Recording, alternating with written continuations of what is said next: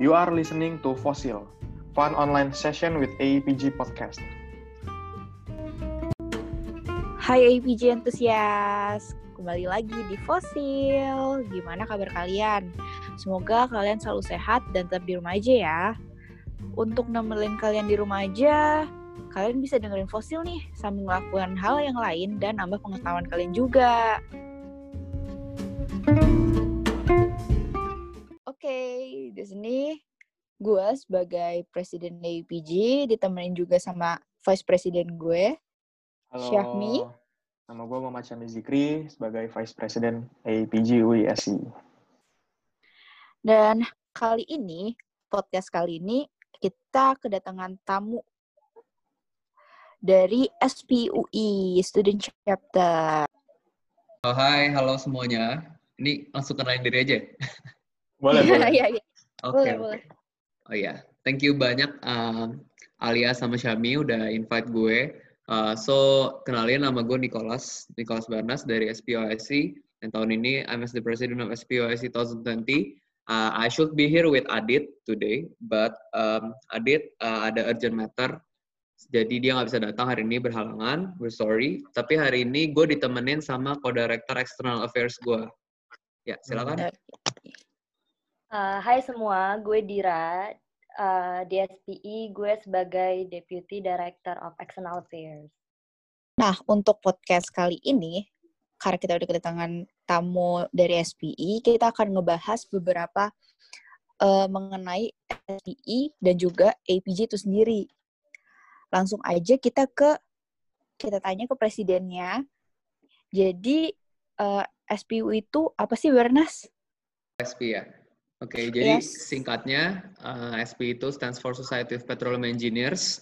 Dia berdiri tahun 1940-an. Jadi SP itu um, dia udah lama banget and members kita tuh lebih dari 143 ribu seluruh dunia. Oh, And so so far um, kita tuh sudah uh, jadi kayak ada professional sectionsnya di mana profesional ber-exchange knowledge untuk mengisi untuk memenuhi visi SPI yaitu disseminate knowledge untuk uh, bidang oil and gas itu sendiri.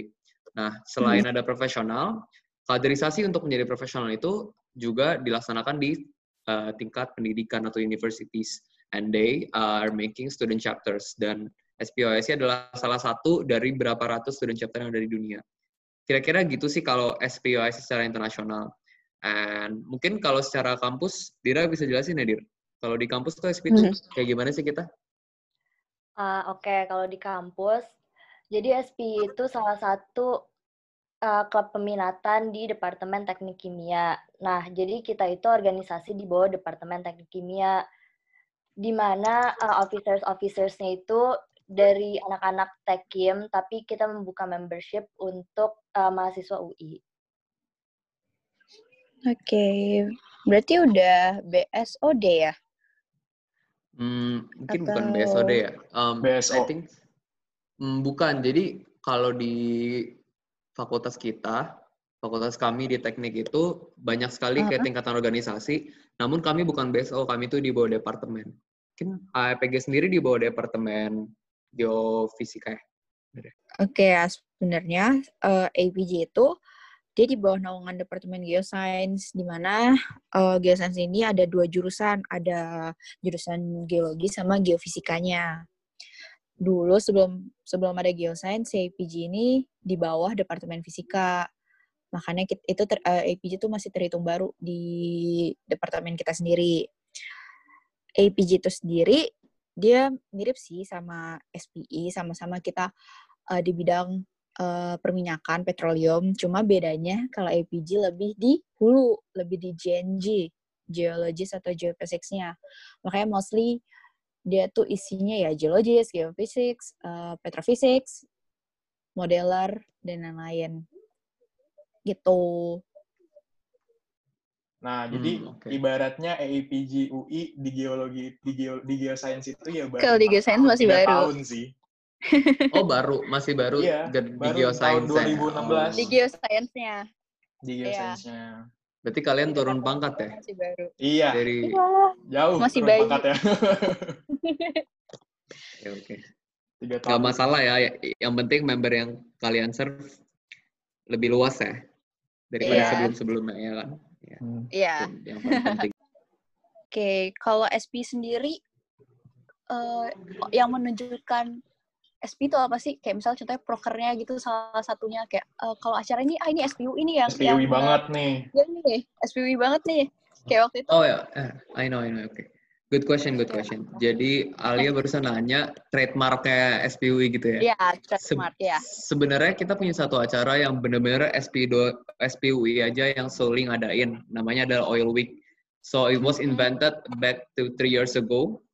And Oke. it, it is actually adalah pengembangan dari acara-acara kita yang kita pernah ngundang SP International President. Jadi dulu namanya Mr. Janin Judah.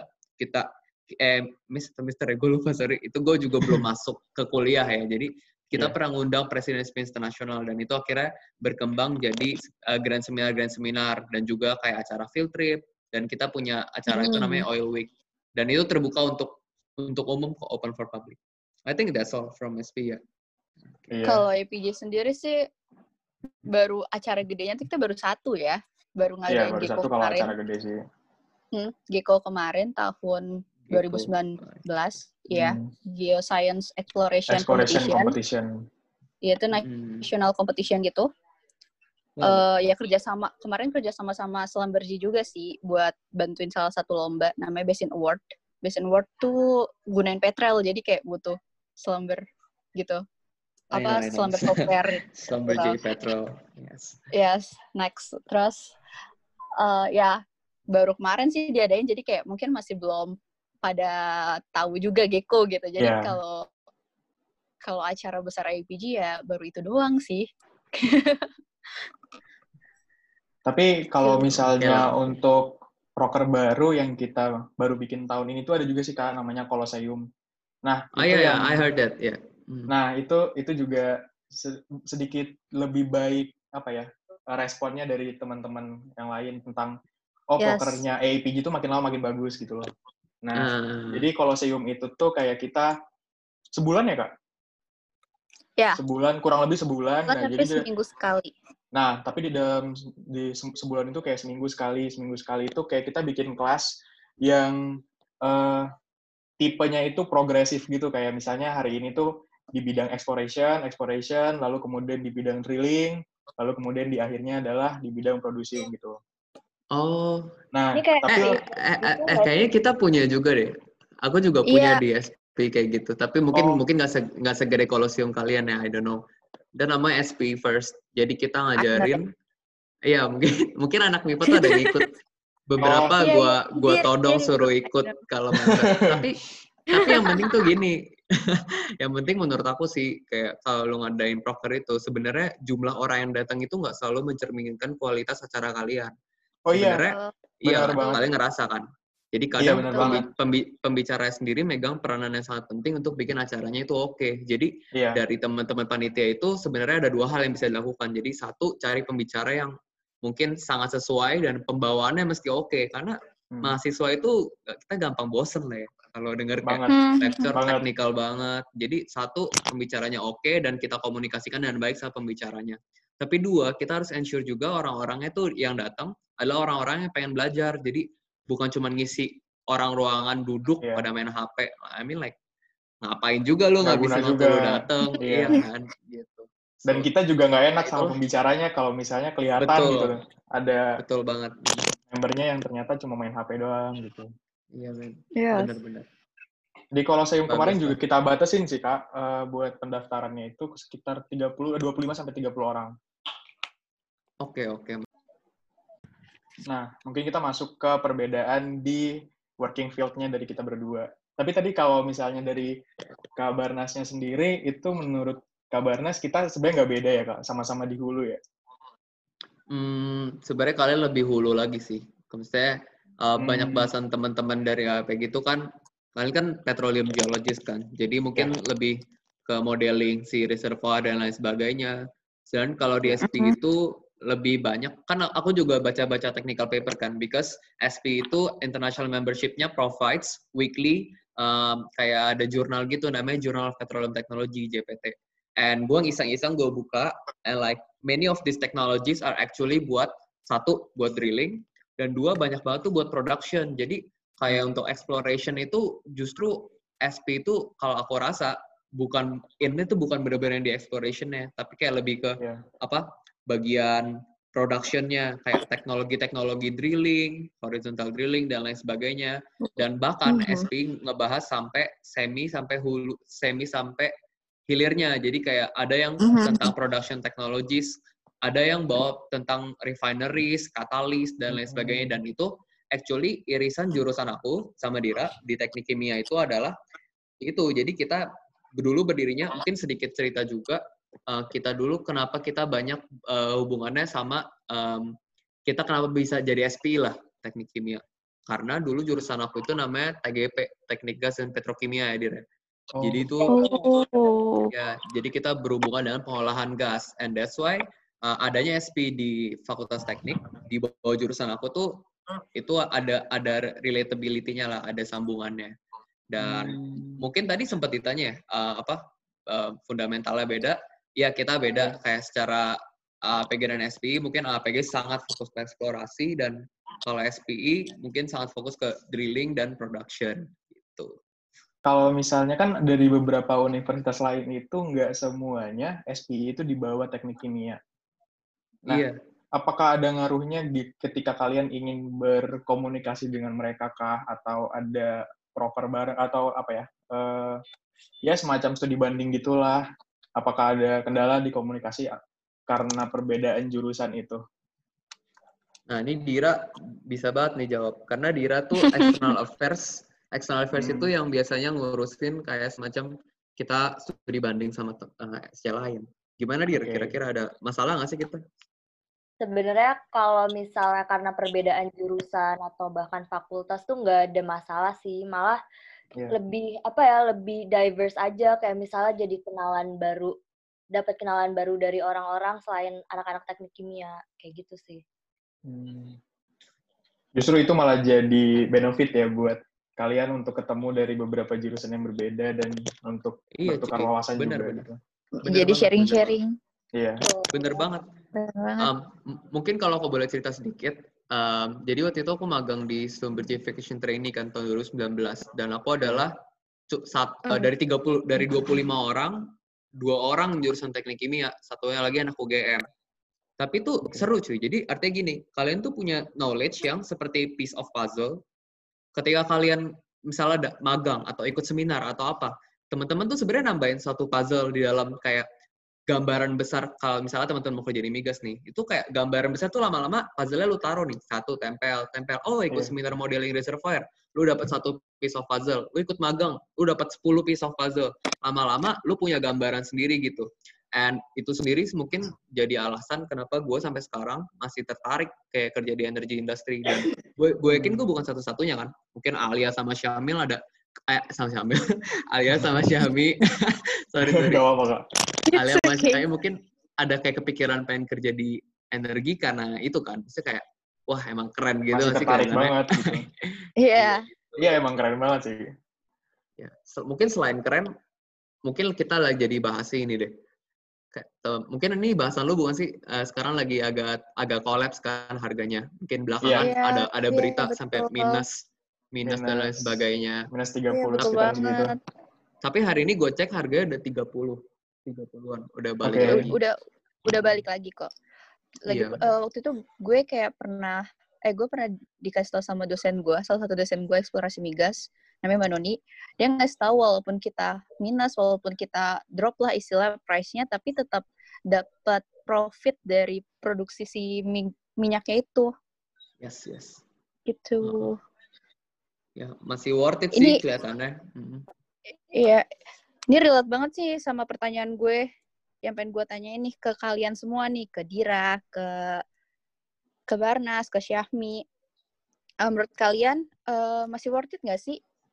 Kita tuh eh, seorang geologis, eh, terus kalau gue sama Syahmi eh, seorang geologis dan lo mungkin di bagian productionnya segala macem buat masih eh, buat kerja di eh, bidang Kalian migas gitu, oil and gas gitu. Coba. Oh. pertanyaannya. Berat ya. mungkin mungkin kayak daerah ini jawabnya takut-takut ya. Coba mungkin gue boleh cover mungkin dari Iya, Jadi iya, apa-apa. gara-gara WFH ini orang semakin menyadari kalau sebenarnya kerja di kantor atau secara fisik itu bukanlah Wah. suatu keharusan kan. Benar banget sih.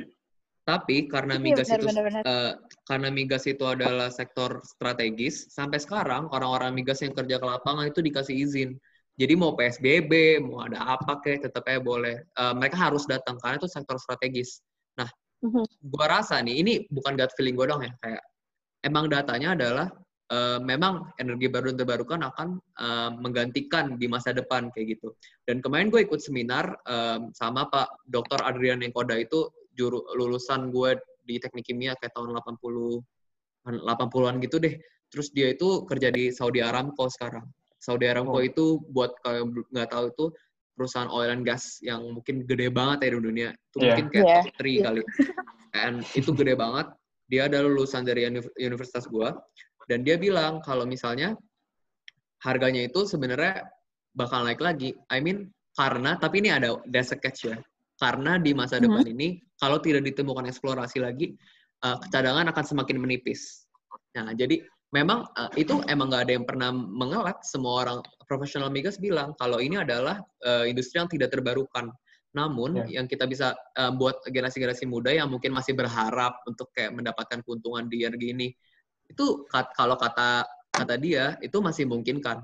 Dan ya memang gue cukup percaya karena uh, energi gap energi gap itu masih ada. Kalau misalnya BT sekarang semuanya masuk pun itu belum bisa memenuhi kebutuhan kita. Masih banyak masalah yang belum diselesaikan. Misalnya kayak uh, nature dari energi renewable itu kan intermittent ya. Misalnya pakai solar. Iya. Kalau siang bisa ngisi, kalau malam you cannot charge it right. Jadi Iya. masih banyak challenges yang bisa di uh, improve dan itu bisa lewat teknologi. Jadi menurut si orang-orang oil and gas migas sekarang uh, kita bakal transformasi, tapi migas sementara ini akan menjadi the bridging energy gitu. Jadi masih worth it sih menurut gue ya secara pribadi. Gitu guys. Kalau APG gimana? Nah, kalau dari gua sih, eh emang sih bener kayak orang udah mulai gencer banget dalam mensosialisasikan terhadap energi terbarukan ya. Tapi kayak eh, masih banyak juga eh, yang masih realistis dalam menggunakan oil and gas itu sendiri. Nah, mungkin yang gue bahas itu lebih ke eksplorasi. Eh, untuk teknologi, itu mungkin untuk interpretasi di lapangan itu masih belum ada yang bakal se-exact ketika orang yang interpretasi. Jadi, eh, menurut gue sih, iya masih masih worth it sih untuk tetap berada di oil and gas di bidang eksplorasi maupun di production. Karena eh, pertama untuk da- dari yang eh, energi terbarukan itu sendiri masih masih sangat banyak yang harus diteliti lagi dan juga em, untuk menggantikan orang-orang di sektor oil and gas dengan teknologi pun masih sangat sulit karena banyak kejadian-kejadian di lapangan yang mungkin harus manusia gitu loh, harus pemikiran manusia, harus nalar manusia yang untuk Hmm, iya, iya, menginterpretasi itu benar. sendiri gitu. Benar-benar. Iya bener banget. Kalau gue sih eh, nambahinnya dari sini Indonesia sendiri. Gue dari Indonesia sendiri ini kan. Indonesia ini kan udah eh udah ngelakuin produksi, udah ngelakuin eksplorasi itu udah dari tahun 1870-an kan. Nah, itu tuh pertama di Sumatera, terus kayak sampai sekarang eh itu masih discovery terus gitu loh. eh, oil and gas Hmm, yang ada di Indonesia.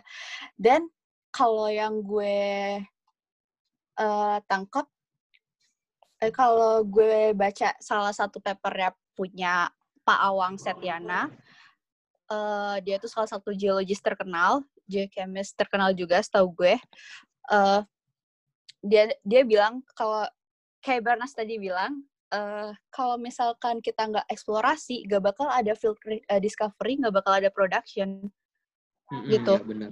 itu sal- itu itu kutipan dari Pak Awang yang bener-bener gue eh, ingat-ingat terus kalau nggak eksplorasi kalau geologis nggak eksplorasi nggak bakal ada produksi minyak jadi geologis eh, sampai orang production itu dibutuhkan di migas jadi menurut gue masih worth it kita untuk kerja Ya. di migas Hmm. gitu Ya belum lagi kalau ngomongin eksplorasi, eksplorasi itu Indonesia Mhm. Timur gue dengar-dengar memang sih kayak udah ada kayak apa preliminary survey di Indonesia Timur, cuman katanya masih Iya. banyak daerah yang bisa jadi menjanjikan kan, di Iya Indonesia. benar. Iya betul betul betul banget. Itu ngomongin eksplorasi masih banyak banget PR dan eh, sekali lagi kalau dari produksi pun banyak banget barang-barang yang sebenarnya sampai sekarang kok kayak belum bisa digantikan karena feedstock crude oil itu banyak banget jadi barang sehari-hari yang kita bahkan mungkin orang nggak Iya, tahu ya kayak misalnya bahan-bahan kimia yang akhirnya jadi jadi HP lu jadi HP lu kan banyak polimer dan lain sebagainya itu kayak masih banyak pakai muatan dari crude oil jadi production dan eksplorasi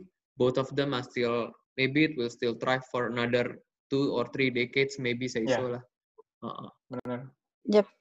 Betul Oke. banget.